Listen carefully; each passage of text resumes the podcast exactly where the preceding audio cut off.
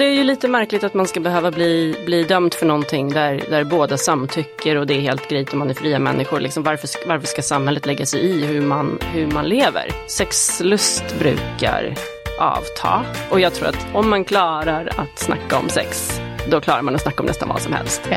Eh, Så det är en väldigt fin bonus. Ja. Klimaks får du av nytelse.no. Sexleketøy på nett.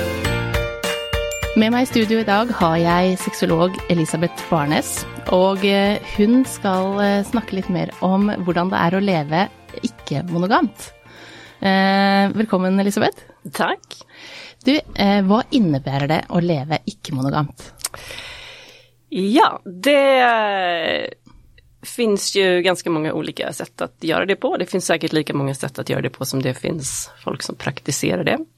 Eh, Men om man ska eh, försöka att eh, beskriva det då så kan man säga att det finns i huvudsak kanske tre olika sätt att göra det på. Och ehm, eh, det första det är det som man kallar för öppna förhållanden. Då. Ehm, Och det är det som man, också ibland använder som ett slags sånt kanske paraplybegrepp liksom för det här. Eh, och det innebär ju rätt och slätt att man eh, lever i en, eh, ja, i en parrelation fast man kan ha sexuella relationer med andra.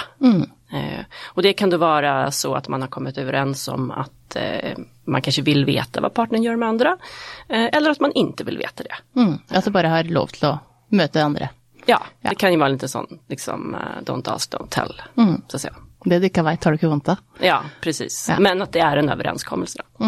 Eh, så det är ett sätt man kan göra det på. Ehm, och sen eh, det andra sättet man kan göra det på det är då det som kallas för swinging. Eh, och det överlappar lite med öppna förhållanden men det är ett större parfokus i det då. Så då så eh, innebär det ofta att man träffar andra par tillsammans då. Och det kan vara antingen i en privat setting eller det kan vara på swingersklubb eller det kan vara på fester till exempel. Ehm, och man kan också träffa andra individuellt då. Eh, Det kan man också göra, man kanske har en trekant till Ja. exempel, men man betraktar sig fortfarande som Ett par. swingers. Ja, precis. Eh, och eh, ofta så, ja, som sagt, så gör man det väl här tillsammans och eh, att det är kanske mer fokus på sexuella relationer än romantiska relationer. Ja. Eh, och sen då det tredje sättet att vara icke-monogam på, eh, det är då att vara polyamorös. Og det er Och, ja, och det är då att man kan ha flera romantiska relationer. Ehm, och det kan då se ut på olika sätt. Det kan vara eh, att man har ett öppet förhållande. Eh, men det kan också vara att man lever eh, samman med flera eller att man har eh, relation med flera. Eh, men att det är ett lucket förhållande. Så det kan till exempel vara tre eller fyra personer men man träffar inte andra utanför den konstellationen. Ja. Alltså det måste inte vara öppet för att det är polyamoröst. Nej. Men det kan vara det. Och så kan man ha en så kallad primärpartner. Eh, så man kanske har ett så att säga eh, huvudförhållande och så har man andra sekundära partners. Eller så finns det de som inte har någon eh, ja, slags hierarki överhuvudtaget, inte gör någon skillnad Nej. på olika partners utan alla är lika Alla mycket likt. eh, värda kan man säga. Ja. Så kan man bo samman eller ska man bo isär. Ehm, och sen kan man säga att, så det är de tre huvudgrupperingarna kan man säga. Och sen så eh, någonstans mellan swinging och polyamori så finns det en slags övergång där man hittar swingers som kanske har relationer som är av lite mer romantisk karaktär eller att man är lite mer eh, social. Gjør Eh, andre ting også. Ja, man gör andra ting också då. Att det Ja. kanske är mer viktigt att man känner någon liksom, tillknytning till, eh, till de här personerna mer än att det handlar om bara sex. Ehm, och det kan man då, om man vill sätta en etikett på det, så kan man kalla det för eh, progressive swinging. Då. Progressive swinging. Ja, och det, i det här, alltså, så nu har jag försökt förklara det här lite enkelt, så det är de här tre huvudkategorierna, men ehm, som sagt det finns väldigt, väldigt många sätt att göra det här på och om man kommer in i det ordentligt så kan det bli väldigt nördigt med väldigt många etiketter på olika saker. Ja. For Ja. fra, sett fra uten, eh, utenfra så er det jo nesten vanskelig å eh, vite hva man skal kalle det forskjellige. Åpne forhold, swingers eh, og polyamorøs. Altså hva, eh, hva som er forskjellen, da, sett utenfra. Fordi at man er jo da eh, i forhold med flere. Ja. Altså sånn som en slags det er, Man har sex med andre, man, noen har man kanskje da et forhold til mer enn sex. Eh, men eh, hvilken av disse tre er det du går under, da? Eh, ja, så att, eh, det som, eh, som jag går under är väl egentligen att jag har väl på något sätt en, lite som en fot i swinging och polyamori. Ja. Kan man säga. Ja. Ja. Ok. Men, eh, men hvorfor velger man å leve på, et, eh, på, på den måten der? Eh, ja, det igen, finns säkert lika många skäl som det finns människor som gör det. Men, eh, men om vi ska prata lite om vanliga skäl då. Ja. Ehm, så ett väldigt vanligt skäl det är ju att man, många öppnar ju upp ett monogamt förhållande. Det är vanligt, så att man kanske har levt monogamt och så inser man att av en eller annan anledning att det kanske inte passar så bra. Och det är många som um, bara vill ha lite extra krydda, man är nyfiken helt enkelt. Man är nyfiken på vad det kan ge relationen, vad det kan ge sexlivet och så vidare. Ehm, och sen så kan det också ha att göra med ens eh, sexuella läggning. Eh, så man kan ju till exempel vara, säg att man är bifil och så är man i en relation med motsatt kön och så kanske man är intresserad att utforska och utveckla sin sexualitet med samma kön. Då kan man ju till exempel välja det här då. Ehm, och på samma sätt som man kan göra det av den anledningen så kan det också vara så att eh, man kan ha forskjellig lust i relationen. Det är ju väldigt vanligt. Ja, det er jo nesten kanskje det spørsmålet man får mest som sex sexolog, er at man den ene har mer lyst enn den andre. Ja, väldigt hvordan får man eh, den til å få mer lyst? Men her er jo også da selvfølgelig en mulighet å gå og få den t- tilfredsstillelsen en- et annet sted. Ja, det, det är faktiskt en, en möjlighet att Ja. komma överens om det. Ehm, och det är en del som, som kanske väljer det. Ja. Sen kan det också vara så att ehm, eh, man kanske har en fetisch. Eh, eller man kanske är intresserad i någonting som BDSM till exempel, som är ganska vanligt. Och så kan det hända att partnern inte är det. Då kan det hända att man kan komma överens om att man kan få leva ut den delen av sin sexualitet med någon annan som är likasinnad. Då. Eh, istället för att man ska behöva lägga locket på då och, och liksom gömma undan den sidan av sig själv. Ja. Ehm, så det kan ju också vara, eh, vara ett skäl. Ehm, och sen så, så är det ju så här att det är eh, för en del personer ett val man gör, ett livsstilsval. Men så finns det också de som säger att eh, de upplever det som en läggning. På Ja. samma sätt som att man har en sexuell läggning. Då. Ehm, och, eh, och det är ju eh, egentligen inte så konstigt för att eh, forskningen visar faktiskt att människan inte är biologiskt monogam. Vi er jo ikke det. Nej. Og det samme gjelder, det er jo bare noen få dyr som er det samme. Eh, Ja. Så det, vi er jo egentlig ikke det. Vi er, ikke, vi er egentlig ikke monogame, eh, menneskene. Nej, och, det, och jag menar det här det är ett väldigt intressant tema. Det finns väldigt, väldigt mycket skrivet om monogami och man kan prata om hur man definierar monogami också. Men eh, människan har ett behov av att eh, skapa partnerband. Vi har ett behov av att tillknyta oss till människor och ha liksom, eh, känslomässiga relationer. Eh, men det är inte samma sak att vara socialt monogam och skapa ett par som att vara sexuellt monogam innanför det liksom partnerskapet. Då. Mm. Og vi ser jo på skilsmissestatistikk og utroskapsstatistikk at eh, vi er jo ikke monogame. Nej, jag menar om vi vore biologiskt monogama så skulle väl förhoppningsvis den statistiken se lite, eh, Lite annorlunda ut. Ja. Ja. Ja, men vi ser det väl, eh, alltså det är ganska svårt att få sån uppdaterad eh, statistik på eh, på otro, otroskap till exempel, men jag tror att, eh, eller jag har sett siffror som ligger på runt sånt 40 procent. Eh, Ja, och och så det är det ju skilsmässa nog- ligger väl på något liknande. Så. Ja, og så er det nok noen mørketall der også. Som Säkert. eh, ikke Det er mange som ikke innrømmer at de har vært utro. Sånn Ja. at eh, em, og, og igjen, eh, nå som det har vært korona også, så ser man jo også at eh, det blir vanskelig for parforholdet. Man får ikke den bekreftelsen ute. En- enten om det bare gjelder å være på byen da, og få bekreftelse som man Vi trenger jo bekreftelse. Absolut. Så Absolut. forhold går jo faken over en lav sko det året som har vært nå. Ja, ja. ja, och det är ju faktiskt en annan sak som är relevant också, att eh, man kan ju hamna i en distansrelation. Ehm, och det är ju också eh, någonting som kan leda in i att man väljer att öppna upp sin relation. Där man säger okej, ja, vi kan inte träffas fysiskt, men då kanske du kan träffa andra. Och så är vi tillsammans i alla fall. Så. Ja. så det är också ett, eh, ett annat skäl. Ehm, och sen så, eh, så kan man också ha det som en, eh, som en filosofisk hållning. Det har ju lite att göra med det här att man kanske inte tror på att människan är biologiskt monogam. Men det har ju också någonting att göra med hur vi ser på äktenskapet. Ehm, eh, äktenskapet har ju historiskt sett inte handlat om kärlek egentligen. Vi tror ju det, men det har inte det. Eh, det är ett ganska nytt påfund. Så att istället så har man ingått äktenskap för att säkerställa arvsrätt till exempel. Eh, eller eh, som en slags patriarkal kontroll över kvinnors sexualitet har det också varit. Mm. Eller så har man haft det för att man ska bygga maktallianser till exempel. Mm. Så det här med att vi gifter oss för kärlek, det är någonting som vi har skiftat till, men det är ganska nytt. Och det som har hänt då är att vi lägger eh, ja, vi lägger väldigt mycket ansvar på en partner att mm. uppfylla alla våra behov. Ja. Och då kan man fråga sig, är det faktiskt realistiskt och rätt att det ska vara så? Och då kan man ha en filosofisk hållning som säger att det kanske inte är det. Och då kan man välja icke-monogami av det skälet. Mm. För och, innerst inne så är det ganska många som inte tror på nettopp det, att man har en partner och den partnern har man hela livet. Eh, och de som kanske velger, da, vil jeg si, velger ja. å gjøre det, eh, gjør det jo av ok, vi skal jobbe for det her, for vi skal få det til, og så blir man et slags team som, som gjør det, da.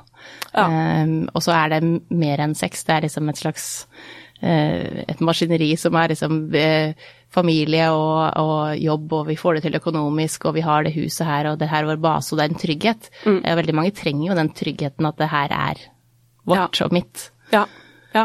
Så, men, men hvordan eh, vil du si at din egen livsstil er? Um...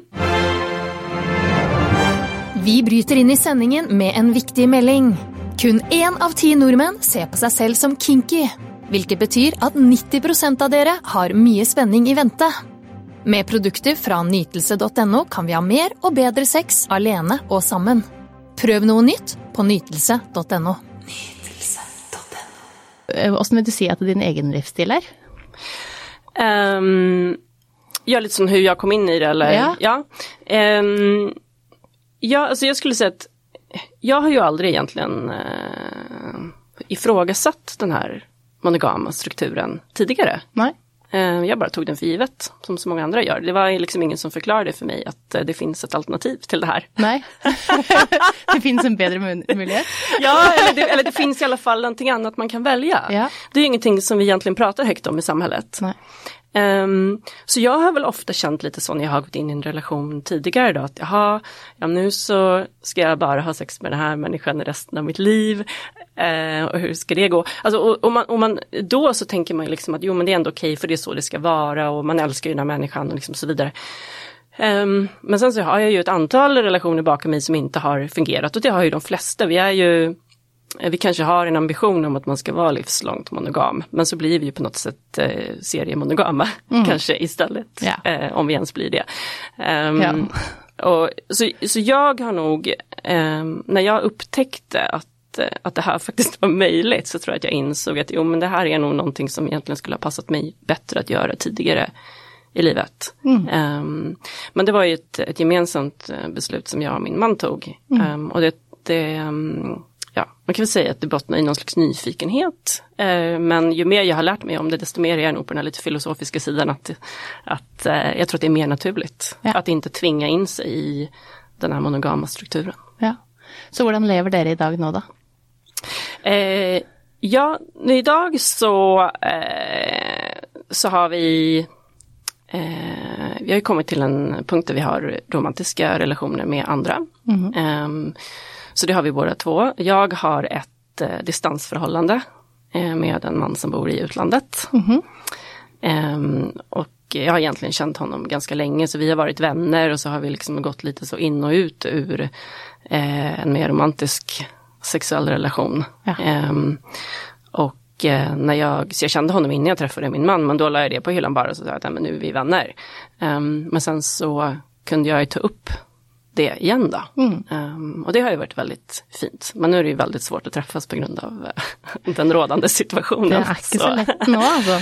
Nej, och det är ju någonting som många sliter med som lever så här också för övrigt. Men så, um, så det är en del av det vi gör. Och sen så, uh, det hela började ju med uh, med uh, en trekant och swinging för oss. Alltså, ja. så det, var, det började egentligen med att vi, vi, vi, vi snackade om um, sexuella fantasier. Eh, vi snackade om tidigare upplevelser man har haft och så kom vi, och så kom vi fram till att eh, nej, det, skulle vara, det skulle vara grej att ha en trekant. Ehm, och så funderade vi på, ja, men hur, hur kan vi göra det då? Eh, och det ledde oss egentligen in i swingervärlden. Ja. Ehm, och, så, och så testade vi det eh, och, ehm, och sen så är det ju så att vi, vi snackar väldigt mycket samman. Vi snackar varenda dag om sex och relationer. ja. Och det tror jag inte att det är så många som gör. Nei. Eh, Ikke, jeg tror jo eh, utenfra, da, så tror jeg at de eh, som lever i åpne forhold, eller i et sånn type forhold som du også lever, at de er flinkere til å snakke om sex og, og hva man har behov for, og hva man trenger, Ja. mye mer eh, de som lever i monogame forhold. Ja, er eh, absolutt. veldig mange forhold som at sex nesten blir et ikke-tema, fordi at man har forskjellig lyst, for eksempel, da.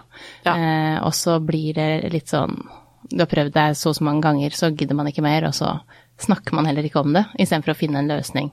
Ikke nødvendigvis å åpne opp, men bare hva er løsningen på problemet? Ja, ja precis. Och, och jag tror att i och med att vi, att vi snackar så mycket om det så har det också gjort att, att vår relation har utvecklats väldigt mycket. Så dels är det en personlig utveckling och så är det en utveckling för relationen. Och då har det för oss gradvis blivit så att vi att vi har någonting som vi från början såg på som kanske ett mer lite spännande äventyr, att kanske att man kan ha sex med andra men och det är okej för det involverar inte att man får födelse för någon annan. Har liksom eh, utvecklats till att eh, vi känner att nej men det, är- det är faktiskt så att man kan få födelse för andra personer. Det är normalt och det är faktiskt fint. Eh, och varför ska vi inte kunna tillåta varandra att ha det? Eh, så vi har en väldigt stor tillit till varandra. Vi har en väldigt stor trygghet i vår relation. Eh, og jeg tror at det er det som har gjort det möjligt. Da. Ja, for at det, man er jo helt avhengig av den tryggheten i relasjonen for at det skal fungere. Ja. Eh, og så er det jo sånn at det, det er jo ikke så lett eh, kanskje for andre å tenke at ok, når man da har eh, et romantisk forhold med andre, da. Eh, for eksempel, er man redd for at den andre skal bli hovedpartneren? For nå er jo dere, dere er hovedpartnere. Eh, blir man bekymra for at den andre skal bytte eh, hovedpartner, hvis du skjønner hva jeg mener?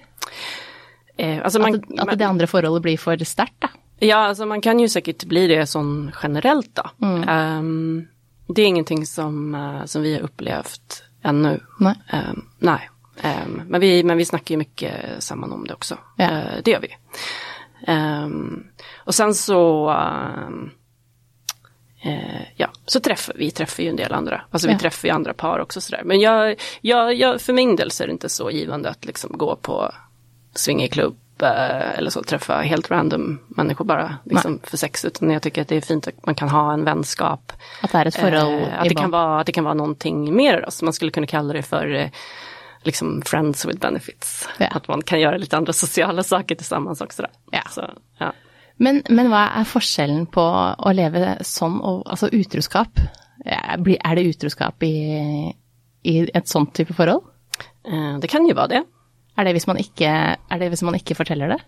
Ja, alltså så eh, det, det här tycker jag är väldigt intressant för att eh, alltså, en vanlig fördom bland de som inte förstår eh, det som vi snackar om som man kallar för etisk icke-monogami det är ju liksom att, eh, att det är otroskap. Ehm, men det, ja, det är väl för att man inte riktigt förstår det. För att det som, det som är väldigt viktigt med, eh, med den här, det här sättet att leva på, det, det är att det är samtycke.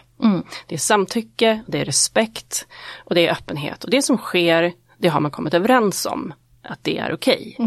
Ehm, så det finns ju inte en handling som definierar otroskap. Ehm, så att ehm, man kan ju ha, man kan ju ha ett, säg att man har ett förhållande och så är det en person som har sex med en annan utanför förhållandet. Då är ju det otroskap ifall det var någonting som man inte hade kommit överens om. Om det sker eh, bakom partners rygg, ja då är det otroskap. Därför att det är ett tillitsbrott. Ehm, men om man har kommit överens om att det är okej, då är ju inte den handlingen Utroskap. otroskap. Nei, og dette her gjelder jo i monogame forhold også. Det er jo forskjell på hva, eh, forskjell, eh, hva hver person syns er utroskap. Ja. Noen syns utroskap er flørting, Ja, eh, mens noen eh, syns at det er, det er ikke så farlig om du kysser med noen andre, men ikke har sex med noen andre. Eller eh, hvis du har sex med noen andre, ikke si det i hvert fall. Eh, det er ikke utroskap, men ikke fordi å gjøre det hele tiden. Altså det, er, vi- det er jo ikke en fast regel på hva som är utroskap. Nej, och det är, jag tycker det är så väldigt intressant för att det är ju så få par som, tror jag, som snackar om vad otroskap är och som definierar det. Man går bara in i en relation och på samma sätt som man som man eh, på något sätt tar en monogam struktur för givet så tar man på något sätt otroskap för givet att det ska vara eh, liksom någonting som man har i sitt huvud. Så snackar man inte med sin partner om det och så blir det problem. Ehm, och det som, eh, det som man måste snacka om när man har flera partners, det är ju sådana här frågor. Ehm, så man definierar allt det här mycket bättre. Man Ja. vet vad som är okej, vad som inte är okej, var, var gränserna går. Ja, og det tenker jeg er viktig uansett hva slags forhold man lever i. At man snakker om det her hvor grensene går. Ja. Så man har den samme grensen, eller at man har, vet hva man kan forvente av den andre. Ja, Eh, fordi at eh, så blir det jo eh, utroskap, da, på en Ja. eller annen måte. Eh, fordi at jeg visste ikke at det her var utroskap for deg. Ja. For, for meg så hadde det vært greit. Ja. Eh, så hvis man ikke har prata om det på forhånd, Ja. det bør man jo prate om idet man går inn i forholdet. Det bör man. Det är ganska viktigt för man kan ju ha helt försäljlig syn på det. Ja. Och då måste man försöka mötas i mitten kanske. Ja. Det er ofte sånn det, ofte sånn det blir. Men, men hva, slags, slags mennesker er det som, eh, som har sånn her type forhold? Det är ju, eh, det är ju helt vanliga människor. Det är ju liksom sannsynligt din nabo eh, som håller på med det här eller dina barns lärare eller någon politiker du ser på tv eller din läge. Eller, alltså, det är ju vem som helst. Problemet är att det är så tabubelagt i samfundet så att det är ingen som, som vågar gå ut eh, öppet med det. Og fortelle at vet du hva, det her gjør vi faktisk. For at det, etter at jeg har eh, Jeg har jo hatt flere episoder både med swingers og noen som lever, lever i åpne forhold, og de får jo mye hets fordi at de, de står fram og, eh, og snakker om at det, det her er sånn de lever. Og det her er jo et valg hvor begge to eh, er med på det her valget, og begge vil det. Men fortsatt så blir de dømt. Ja, och det är ju lite märkligt att man ska behöva bli, bli dömd för någonting där, där båda samtycker och det är helt grejt och man är fria människor. Liksom varför, varför ska samhället lägga sig i hur man, hur man lever? Tyvärr så upplever jag att eh, ja, Norge kan vara lite moralistiskt och ganska mononormativt. Eh, och eh, vi har en ganska stark social kontroll i samfundet. Ja. Eh, och det är helt enkelt ja, lätt att bli dömd. Och det, det är få som då orkar sticka ut och ta konsekvenserna av att vara öppen med det. Så då gör man det i, i hemlighet och ja, bara låtsas att man är A4 helt enkelt. Eh, Men det är ju mycket vanligare än vad folk eh, tror. Så de kommer i barnehagen og henter og bare ser helt vanlige ut. Så helt vanligt, de gråaste föräldrarna i barnhagen. Ja. Og det tror jeg jo, sånn er det jo. Man, hva som foregår innenfor husets fire vegger, uansett hva slags du lever, det vet jo ingen. Så Nei. den som eh, De kan være de drøyeste BDSM-folka som ser helt vanlige og kjedelige ut, og så når de kommer hjem, så er det full eh, lærkostyme og Ja. pisk. Absolut. Så, så, så det kan man egentlig aldri vite. Og så tror jeg det er viktig at man ikke, ikke dømmer alle på, bare fordi at du ikke ville levd sånn selv, da. Eh, så at, at man ikke Hva andre velger å gjøre, at, man, at det er greit. At man godtar det. Ja, precis. Jag, menar, jag, jag, jag har ju inga, inga illusioner om att, eh, om att eh, folk kommer att höra på den här podcasten och sen så jubla och, och bli, och bli liksom polyamorösa. Det, det är inte det, men jag, eh, men jag skulle tycka att det var fint ifall, ifall det fanns lite mer acceptans. Bara ifall man kunde säga, okej, ja det var intressant, man kan leva så. Ja, ja, ja det är nog ingenting för mig, men om de vill göra det så är det grejt. Alltså det, det, det skulle vara bra liksom, Ja. tycker jag. ja. Ja. Men, men altså, eh, hva mener man er fordelene, da? Hva er fordelene eh, hvis du skal leve sånn som du lever? Hva er fordelene? Eh, Ja, så en väldigt vanlig fördel som väldigt många uppger, eh, det är ju att eh, man får ett mer spännande sexliv och kärleksliv. Eh, Och det har vi också sett i en undersökning som vi har gjort bland norrmän som lever på det här viset. Men det är väldigt vanligt då. Man får inspirasjon fra andre. For man I et vanlig monogamt forhold så eh, blir jo sex f.eks. da en slags eh, dans som man gjør Man kan altfor godt, da. At man eh, gjør Ja. de samme tingene hver gang, velger de samme stillingene og vet hva som må til, og så får man ikke, kanskje ikke så mye inspirasjon. Det kan, ju lätt bli, det kan ju lätt bli rutin och sen så vet vi också att eh, sexlust brukar avta över tid i, en monogam relation. Så det är ju ganska vanligt efter som ett till två, tre år att det är inte lika spännande som det var i början begynnelsen. längre. Nej. Ehm, och det är helt normalt. Ja, ja. Ehm, och Dette her, då- skjer, dette her kjenner alle seg igjen i. Ja, eh, och då kan det vara lätt att tro att det är något fel på den, men det är inget fel på den. Det är helt enkelt väldigt normalt. Ehm, och då kan man ju ta lite olika grepp för att, eh, för att eh, göra någonting åt det. Eh, men jag tror att för att ha ett, ett levande sexliv eh, som utvecklas så kräver det en insats. Eh, det är inte någonting som bara sker spontant. Eh, så är det inte. Nej. Men, men jag tror att också att det har någonting att göra med att den här monogama strukturen är så självklar att vi tror inte att vi behöver arbeta så mycket egentligen i ett förhållande. Man bara säger ja ja, men nu, nu är vi i ett förhållande och så, och så ordnar det sig. Men det gör ju inte det. Alltså man, man måste investera. Eh, det, ja, Ja, helt enig. Og der tror jeg at vi blir så dårlige etter hvert. Altså, I begynnelsen så er man den beste utgaven av seg selv, og så blir man bare dårligere og dårligere.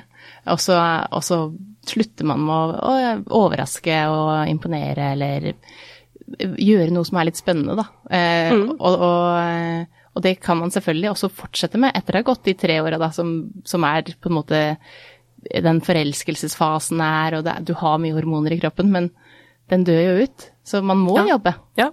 Det er en jobb å, å skulle være med samme partner ut livet, da, hvis det er det man har planer om. Ja, ja men det är det. Och då, och då kan man ju få in, man kan få in eh, ny energi, man kan få in inspiration eh, av andra. Eh, så det är en väldigt fin fördel. Och så kan man inte göra det utan att snacka om det. Ehm, så en, en väldigt fin sån positiv konsekvens det är att kommunikationen blir bättre generellt. Det går, det går inte att leva icke-monogamt och inte snacka om det. Det går att leva monogam, eh, monogamt och prata ganska lite men, men, eh, men ska du öppna upp relationen så måste du snacka om det. Och, eh, och jag tror att om man klarar att snacka om sex då klarar man att snacka om nästan vad som helst. Ja. Eh, Så det är en väldigt fin bonus. Ja. Man blir jo flink, og man trenger å kommunisere om alt annet også. Ja. Eh, sånn at eh, da tror jeg absolutt man blir flinkere til å Ja. kommunisere. Ja. Eh, och så skulle jag säga att det, det, om man nu har lust att utforska den polyamorösa biten då, om man kan, om man kan tillåta sig att få födelse för andra personer. Så kan man också upptäcka att eh, det faktiskt skapas mer kärlek och inte mindre. Nej. Till skillnad från vad många tror. Så det kan vara också en annan fördel, att man faktiskt får mer kärlek eh, över till sin eh, liksom, primära partner Ja. också. Då. Ja, och det är det ju-. Det ser man jo også igjen, det her med at når man får bekreftelse ute på at man er fin, uansett hva slags forhold man lever i, så tar man den energien med seg hjem. Ja. Eh, og den har jo blitt borte for folk nå. Så jeg tror at man kan kjenne seg igjen i det her uten å leve sånn, så tror jeg man kan kjenne seg igjen i det her med at eh, når man får oppmerksomhet og kjærlighet fra et annet sted, at man også har mer å gi, da. Ja, och det kan ju vara så enkelt som att man flörtar med någon på bussen, eller hur? Ja. Alltså det, så det behöver inte vara Nej. att man har sex med någon annan, Nej. Mm. det kan vara väldigt små saker. Man får en komplimang av någon. Ja. Eh, så det, men det är, samma, det är liksom samma princip då, Ja. eh, på något sätt. Så kan man ju, man kan ju också gå tillsammans då till, alltså, till någon som mig, till en sexolog, till en parterapeut, till någon, till någon som har erfarenhet och som är positiv då. Mm. Till det här sättet att leva på. Då. Jag tror man, ska inte, man ska inte gå till någon som inte förstår det, men man kan gå till någon som förstår det och så kan man prata om vad man har för eh, tankar om det, vad man är bekymrad över eh, och få lite tips kanske. Ja. Ja. Helt enig. Vet du hva, jeg tenker at de som eh, ble nysgjerrig nå, som hørte det her, dem kommer å ta kontakt med deg, Elisabeth. Det hoppas jag. Ja. Og så tusen takk for at du kom. Det var veldig hyggelig, og jeg har lært masse nytt. Så takk for at du kom. Tack så jättemycket, det är fantastiskt. Klimaks fikk du av nytelse.no. Sexleketøy på nett. Maria, du kjenner den følelsen når du bestiller sexleketøy på nett, og så har du egentlig lyst til å bruke det med en gang. Ja, herregud. Altså, Hver gang så sitter jeg og oppdaterer tracking status på pakken og vil gjerne ha det samme dag. Og nå kan vi faktisk det. Ja, det kan du. Med Porterbuddy så kan du bestille før klokka tolv, og så har du pakken hjemme eh, hos deg på ettermiddagen. Det er jo helt nydelig, for da kan man glede seg. Og man trenger ikke å glede seg i mange dager engang. Du har det, og du kan bare lene deg tilbake og nyte ditt nyinnkjøpte sexleketøy allerede samme dag. Dette gjelder jo da i store deler av Østlandet og i rundt de største byene. Så da er det bare å klikke seg inn og kjøpe seg det leketøyet man har lyst på, og nyte dagen, resten av dagen på jobb, og så glede seg til man kommer hjem. Yes.